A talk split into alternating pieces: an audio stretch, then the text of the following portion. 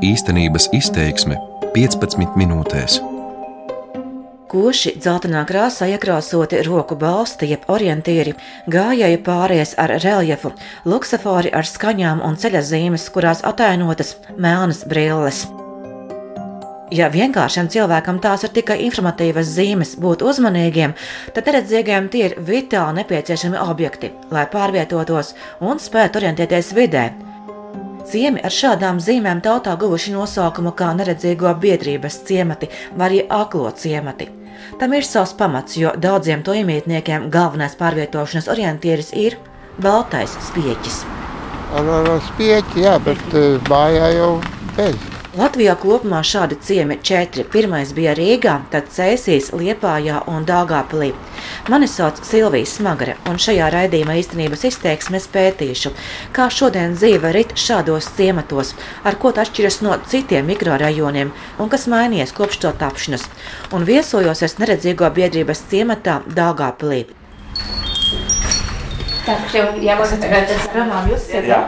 Neredzīgo biedrības Dāngāpils teritoriālās organizācijas vadītājs Ramāns Freņēvičs gan uzreiz uzsver, tas ir šī ciema neoficiālais nosaukums. Nosaukums tas arī ir vairāk tāds tautas nosaukums, jo faktiski, ja jūs paskatīties oficiāla pilsētas kartogrāfiju internetā vai vēl kaut kur, tad visur ir rakstīts vienkārši Čekuru iela mikrorajons Stropičs, iekuru iela. Tas neredzīgo biedrības ciemas, tas arī ir tāds, ka vairāk tautas nosaukums. Dāngāpils neredzīgo ciemats izvietojas meža ielokā pie neliela ezeriņa Stropaka, netālu no slimnīcām un nav pavisam Dāngāpils nomalē, jo atrodas blakus ceļu maģistrālē.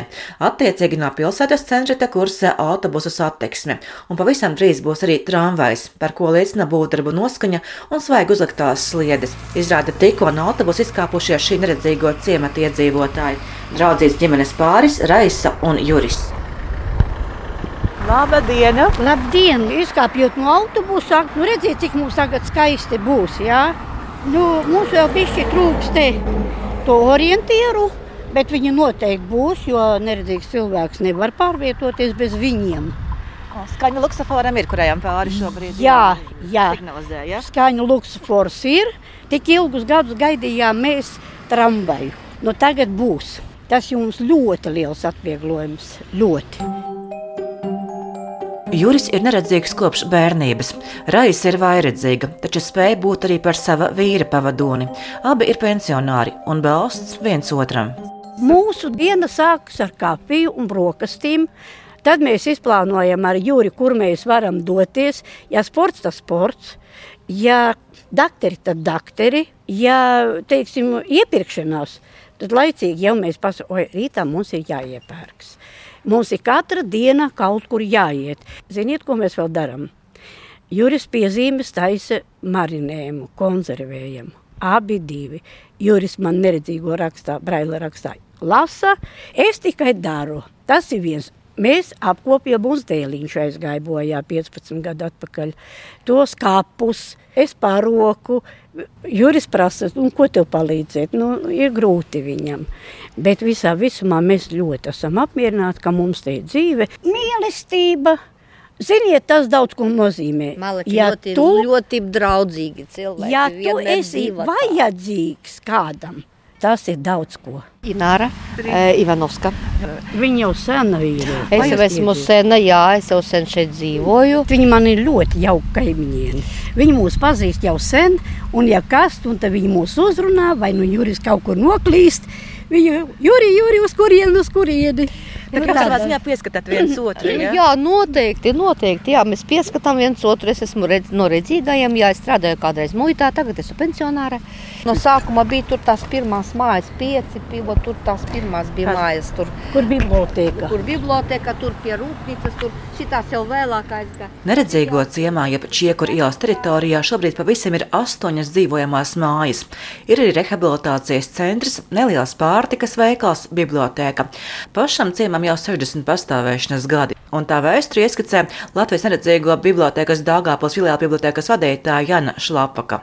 Ciemata vēstures pirmsākumi meklējami 20. gadsimta 60. gados, kad eh, no Rīgas atbrauca Latvijas neredzīgo biedrības centrālās valdes pārstāvis, ja, lai lūgtu pilsētai piešķirt zemes gabalu uz kura tā, tā sāktu būvēt e, neredzīgo biedrības uzņēmumu un dzīvojamas mājas.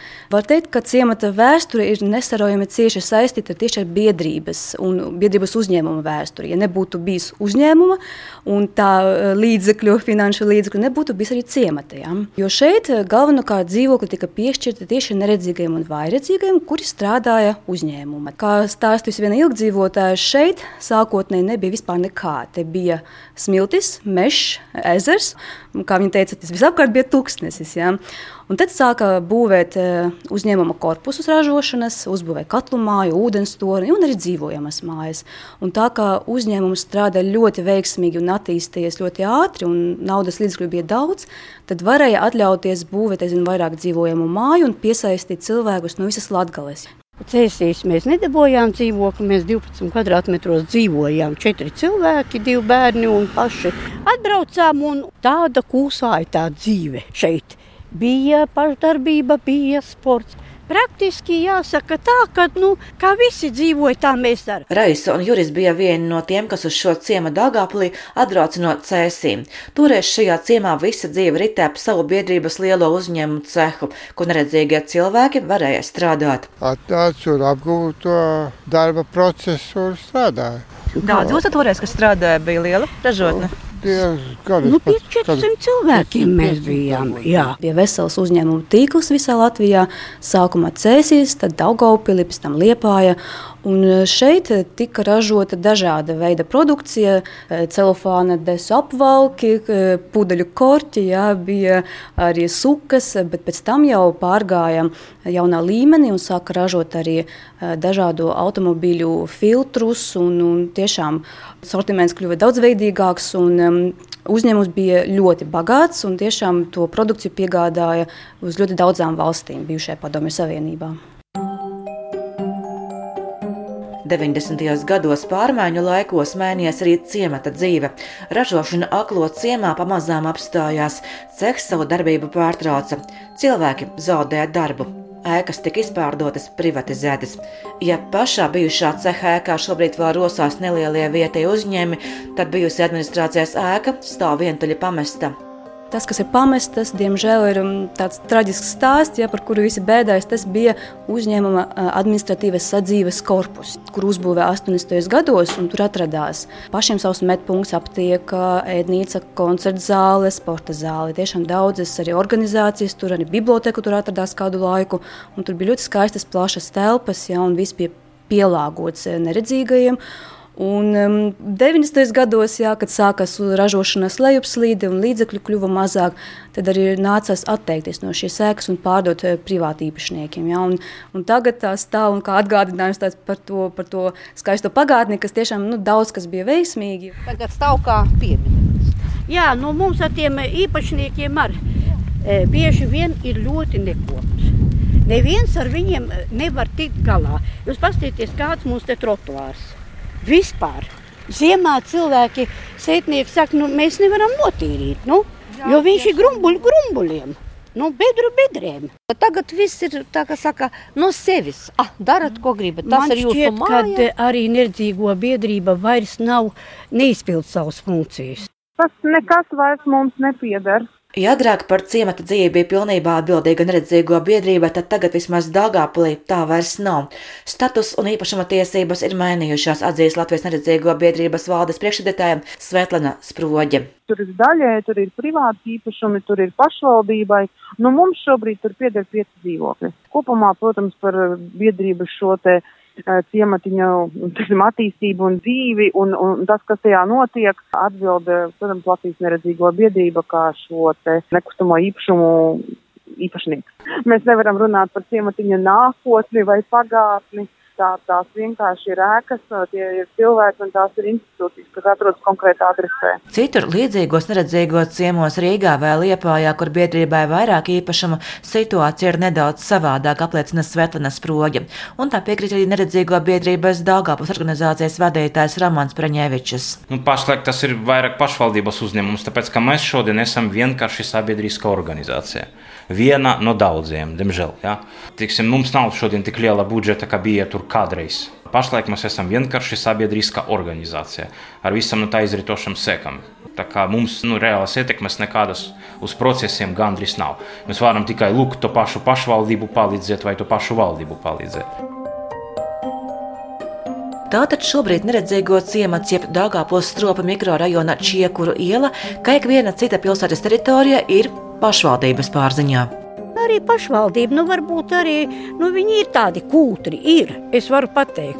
Bet, nu, ja viņiem uzmin uz varžacīm, tad nu, varbūt viņi kaut Solīt ko daudz sola. Jā. Nu, lai tas savērt vispār tos trotuārus Jā, kārtībā. trotāri tie ir briesmīgi, jūs redziet. kā- Tieši trotuāru un ielu sakārtošana šajā ciemā ir galvenā neredzīgo cilvēku sāpe, lai tās būtu drošas un pieejamas cilvēkiem ar redzes traucējumiem. To veikt Dāngāpils doma bija solījusi vēl šogad. Tagad izpildu atlikta uz nākamo gadu, tā skaidro Dāngāpils domas priekšredētāja vietnieks Igors Prelātājs. Pašvaldība joprojām nostāja ir nepieciešams sakārtot to mikrorajonu. Par šiem diviem gadiem bija izstrādāts bufprojekts, kas bija domāts Čekuru ieru pārbūvēi no Novembra ielas līdz Čekuru 8. Tas projekts ļaus veikt caurbraucamu pagalmu remontu. Projekts bija izstrādāts, un šogad mēs bijām pasludinājuši arī iepirkumu uz būvniecību, bet, diemžēl, eh, finansējums bija daļēji plānots no ceļa fonda līdzekļiem, kas mums ir, un bija domāts ņemt aizņēmumu no valsts kases Bet pat cik valsts kasa uz dotu momentu ierobežoja kreditēšanu, diemžēl šogad nepaveiksim. Во-первых, то, что от нас зависит, мы в свое время, пять лет тому назад, создали инициативную группу. Ludmila Borska ir Dāngāpils neredzīgo ciema iedzīvotāja biedrības vadītāja. Biedrība dibināta pirms pieciem gadiem, lai rūpētos par šī ciema labiekārtošanu. У нас ряд проектов по благоустройству. Pirms pieciem gadiem īstenojām projektu par bērnu laukumu ierīkošanu, tad vēlāk tapa projekts par mūsu lepnumu sajūtu dārzu un mūsu ezera labiekārtošanu. Tiesa ir jāatzīst, to cilvēku, kuriem sākotnēji tika veidots šis ciemats, proti, neredzīgajiem, te kļūst ar vien mazāk. Lai arī oficiāli mūsu ciemā dzīvo ap tūkstoti cilvēki cilvēku, reāli labieti palikuši kādi 650, bet neredzīgo kādreiz bija ap 150, tagad palikuši vien daži desmiti, kādi 45. Un tas ir labi, jo nedzimst vairāk te neredzīgo bērnu, bet dzimst redzīgi, un gadā to šajā ciemā ir vismaz 10, 15. Tātad ciems dzīvos. Потерять статус как поселок незрячих, может быть, это когда-то уйдет куда-то. Jā, jau nav jau to, jau to neredzīgu. Mūsu eh, kāpņu telpā mēs četri. Četri taisa. Mēs četri. Blakus kāpņu telpā Liekas, divi. divi, divi, Jā, divi. ceturtās ir viena kundze. Viss. Pirmā vispār nav. Ļoti daudz aiziet mūžībā. Vienīgais tāds biedrinājums, kad eh, neredzīgie cilvēki te klāt praktiski nenāk, un drīz viņu te varbūt arī nebūs nemaz.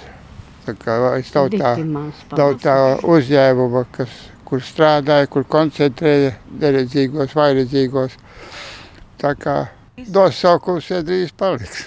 Ciemats ļoti mainījies, ja to atzīst ilgdzīvotāji. Ja, Ieskicē Latvijas neredzīgo bibliotēkas Dāngāpils filiāla bibliotēkas vadītāja Jana Šlapaka. Mainījies gan iedzīvotājs sastāvs, tas vairs nav tikai neredzīgo biedrības ciemats, kā bija agrāk. Jā. Tagad šeit dzīvo ļoti dažādi cilvēki, ienāk arī jauni iedzīvotāji, kuri ļoti novērtē, ka šeit ir mierīgi, eh, ka šeit ir blakus ezers, mežs, tiešām tīrs gaiss, un to uzreiz var just izkāpjot no autobusa pieturā. Jā. Un, um, daudz bērnu un jauniešu, un patiešām nu, ir mainījies ciemats, bet nu, visiem kopā ir jāsadzīvo notiek uh, daudz jaunu pasākumu, ko organizē ciemata iedzīvotāja padome, jā, un kuros tiek iesaistīti, kuru veidošanā tieši tiek iesaistīti visi iedzīvotāji dažāda vecuma. Gan neredzīgie, gan redzīgie, bērni, pieaugušie. Latvijā šobrīd ir desmit tūkstošiem cilvēku, kuriem piešķirts redzes invalīdu status. Reāli cilvēki ar nopietniem redzes traucējumiem ir krietni vairāk, saka Latvijas neredzīgo biedrības vadītāja Svetlana Sproģa. Piebilstot, neredzīgo ciematiņu pastāvēšana, lai arī cilvēkiem ērta, visdrīzāk ir laika jautājums. Nosacītajos ciematiņos dzīve ir ērtāka un drošāka. Bet kopumā, protams, Latvijai būtu jācenšas attīstīt tomēr vidas pieejamību tādu, lai ikvienā vietā dzīvojošs cilvēks ar invaliditāti justos droši un spētu pastāvīgi pārvietoties un dzīvot. Mani sauc Silvija Smagara, un tas bija raidījums īstenības izteiksmē, kas tapa sadarbībā Latvijas Rādio Latvijas multimediju studiju.